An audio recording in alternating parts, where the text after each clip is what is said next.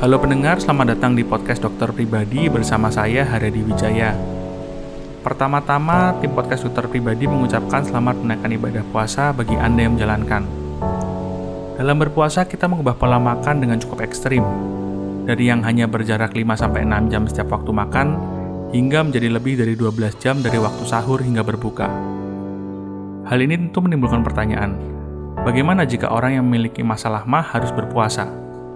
Kembali bersama Dr. Sofi Isabella, spesialis penyakit dalam, kami berbincang mengenai masalah-masalah yang mungkin timbul pada penderita mah ketika menjalankan puasa. Tidak lupa beliau berbagi tips-tips bagaimana cara mengatasinya. Untuk lebih lengkapnya, mari simak perbincangan kami.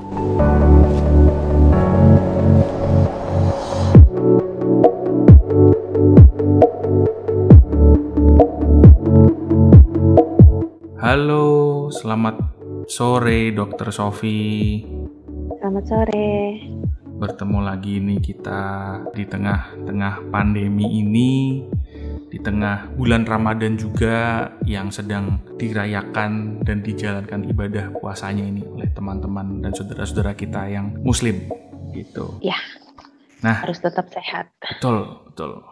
Ibadahnya harus tetap jalan, tetap sehat gitu ya, Dok ya.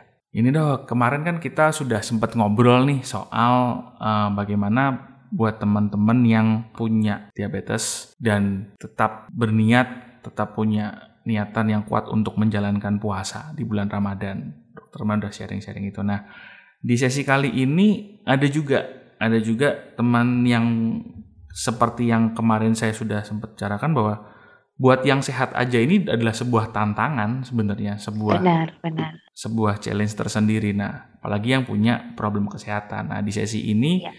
uh, ada pertanyaan-pertanyaan dari pendengar yang punya masalah dengan mahnya dengan lambungnya nih dok gitu ya. karena kan gini orang yang punya masalah mah atau lambung itu biasanya biasanya itu problemnya kalau ketemu dengan jam makan yang tidak teratur atau telat benar. makan nah Padahal puasa ini kan bisa lebih dari 12 jam, Dok. Terus bagaimana dong kalau orang yang yang mah oke okay nggak sebenarnya kalau kita ini puasa?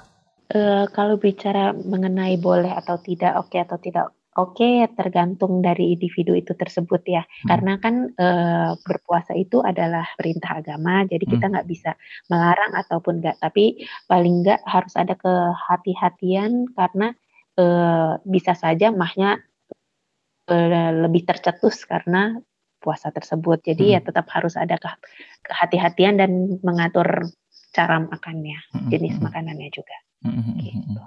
Tapi memang sebenarnya gini karena uh, dengan rentang waktu yang segitu lama ini sebenarnya secara medis hmm. itu memang apakah memang itu problem karena kan bayangan 12 jam uh, lebih bahkan kan kalau ngomong jam 4 sampai bisa jam 6 lagi kan lebih dari 12 jam itu tidak makan, tidak minum berarti kan sebenarnya juga tidak bisa minum obat juga gitu, Dok.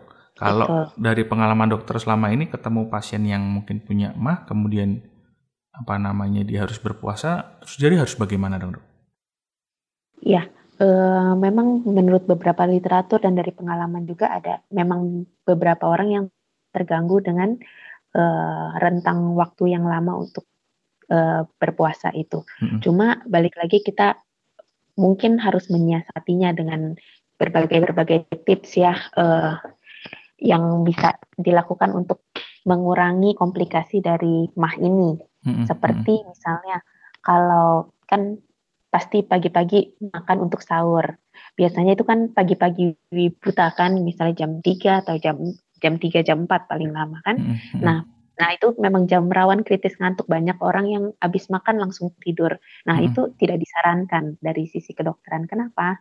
Karena kalau begitu makanan habis makan langsung tidur, otomatis eh, makanan yang dari lambung itu bisa ada eh, kalau istilah medisnya reflux atau hmm. uh, kembali. Jadi dari lambung dia bisa naik lagi itu yang akan menyebabkan iritasi juga. Hmm. Makanya uh, habis sehabis makan nggak boleh langsung tidur nggak cuma buat sahur, sahur sih tapi e, berbuka juga habis makan nggak boleh langsung tidur supaya untuk mencegah e, asam lambung tidak naik kembali ke e, kerongkongan dan itu yang menyebabkan muntah itu salah satunya bisa dihindari nggak hmm. boleh tidur langsung e, setelah makan okay. juga uh, jangan overeating. Jadi misalnya oh lapar ini habis puasa lama langsung makan segalanya semua. Nah, itu juga nggak boleh. Prinsip yang disarankan untuk orang-orang dengan sakit mah itu adalah makan sedikit namun sering. Nah, seringnya itu kan kita nggak bisa, tidak bisa dijalankan waktu Puasa. Uh, berpuasa hmm. itu. Jadi setelah berbuka tetap dimulai dari porsi yang kecil, minum yang manis-manis dulu untuk uh, lambungnya dikasih istirahat dulu. Setelah hmm. itu baru mulai dengan makanan yang agak berat untuk mengisi perut. Nah, setelah itu sebelum tidur uh, juga nggak boleh langsung habis makan balik lagi nggak boleh langsung tidur harus uh, ususnya juga diistirahatkan dulu 2-3 jam baru boleh tidur itu hmm. semua yang bisa membantu orang-orang dengan sakit mah supaya tidak muncul keluhannya atau memperparah kondisinya. Hmm, ya ya bisa bisa di maintain dengan seperti itu sebenarnya ya. biar biar lambungnya nggak kaget lah istilahnya ya. Benar benar. Nah, terus kemudian gini dok, kalau kalau untuk obat mungkin kan gini ada ada juga uh, apa ya orang yang mungkin takut lah takut oh dia dia nanti kumat atau gimana atau istilahnya uh, kalau kalau kita pernah lihat kan memang biasanya nih biasanya kalau dari pengamatan saya nih kalau mendekati bulan puasa ini iklan yang paling kenceng itu iklan obat mah sebenarnya. Iya benar. Nah sebenarnya apakah memang obat-obat itu diperlukan ketika orang yang memiliki mah ini harus berpuasa? Oke, balik lagi uh, penyebab sakit mah itu tidak cuma karena uh, pola makan yang tidak betul. Hmm. Penyakit mah itu paling banyak di dunia ini disebabkan oleh satu bakteri namanya Helicobacter pylori. Hmm. Jadi pasien dengan sakit mah yang berulang harus memeriksakan diri apakah uh, terdapat bakteri tersebut nggak di mahnya. Hmm. Kalau memang penyebab sakit mahnya ini disebabkan oleh bakteri tersebut, maka obatnya akan berbeda dari obat mah biasa seperti yang di iklan. Dia harus minum antibiotik dua macam atau tiga macam selama dua minggu penuh. Nah, hmm. Kalau penyebabnya dari bakteri, otomatis dia tidak akan hilang dengan uh, obat lambung biasa.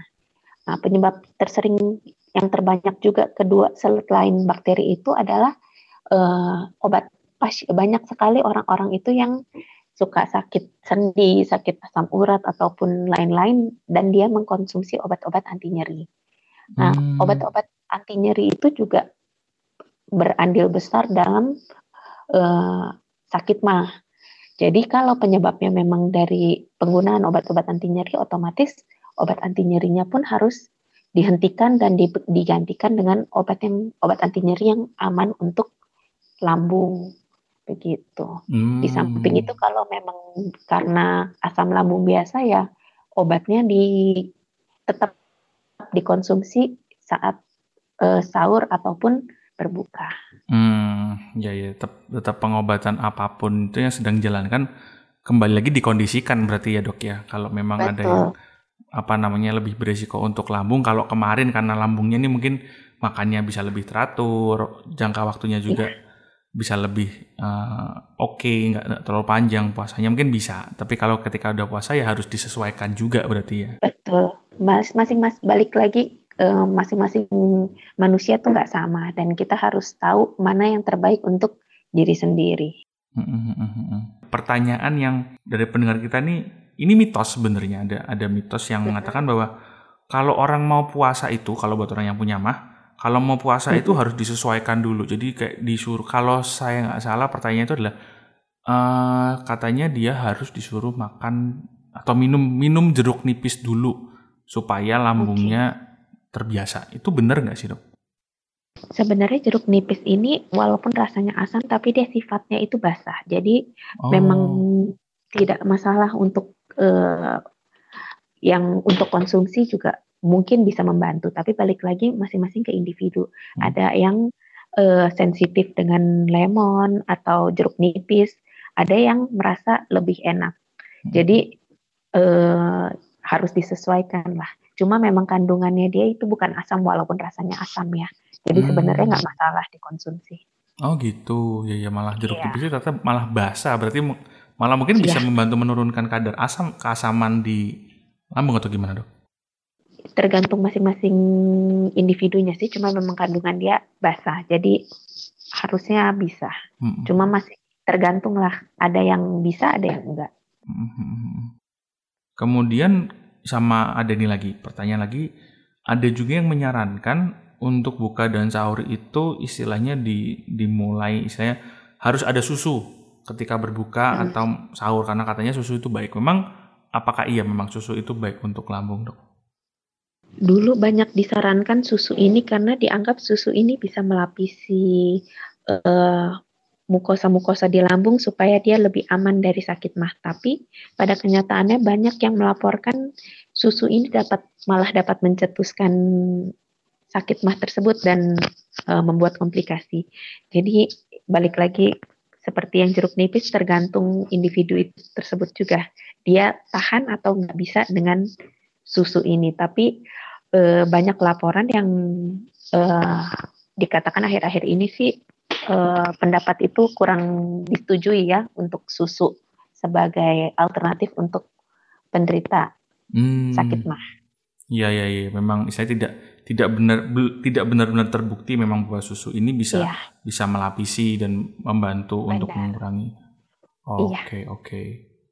Nah mungkin ini ini pertanyaan yang mungkin sama dengan yang sesi kapan hari soal diabetes uh, orang yang punya sakit mah ini kan ada kemungkinan di tengah-tengah dia menjalankan puasa ini apa namanya sakitnya muncul atau gimana. Kan orang dalam menjalankan ibadah kan pinginnya bisa full 100% menjalankan. Tapi kalau ada kondisi kesehatan khusus kan mungkin kita juga harus paham dong. Nah sebenarnya di kondisi ya. seperti apa orang dengan sakit mah ini sebaiknya mending membatalkan puasanya dan nanti bayar hutangnya saja daripada daripada semakin menjadi itu gejala-gejala atau kondisi seperti apa dok kalau di sakit mah ini?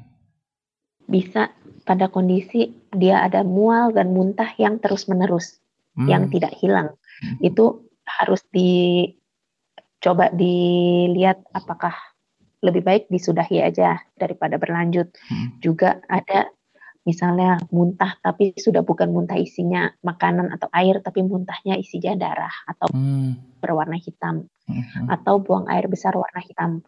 Buang air besar warna hitam itu artinya dia darah juga ya karena kalau asal dari lambung hmm. itu darah akan teroksidasi jadi warna hitam makanya begitu keluar jadinya warna hitam bukan warna darah. Hmm. Uh, juga misalnya pasien sedang demam tinggi ataupun nyeri perut yang hebat ataupun pucat semuanya. Jadi artinya kadar sel darah merahnya turun ya. Hmm. Nah, itu hal-hal tersebut yang sebagai tanda alarm lah bagi hmm. pasien-pasien dengan sakit mah untuk uh, lebih harus berhati-hati dan mungkin memikirkan untuk uh, menyelesaikan puasanya dulu. Hmm, ya, ya, ya karena ya apalagi kalau itu adalah tanda-tanda dari ada muntah darah atau keluar darah uh, bareng melalui feses itu berarti bisa berarti luka dong kalau gitu lambungnya dok ya? Benar, iya.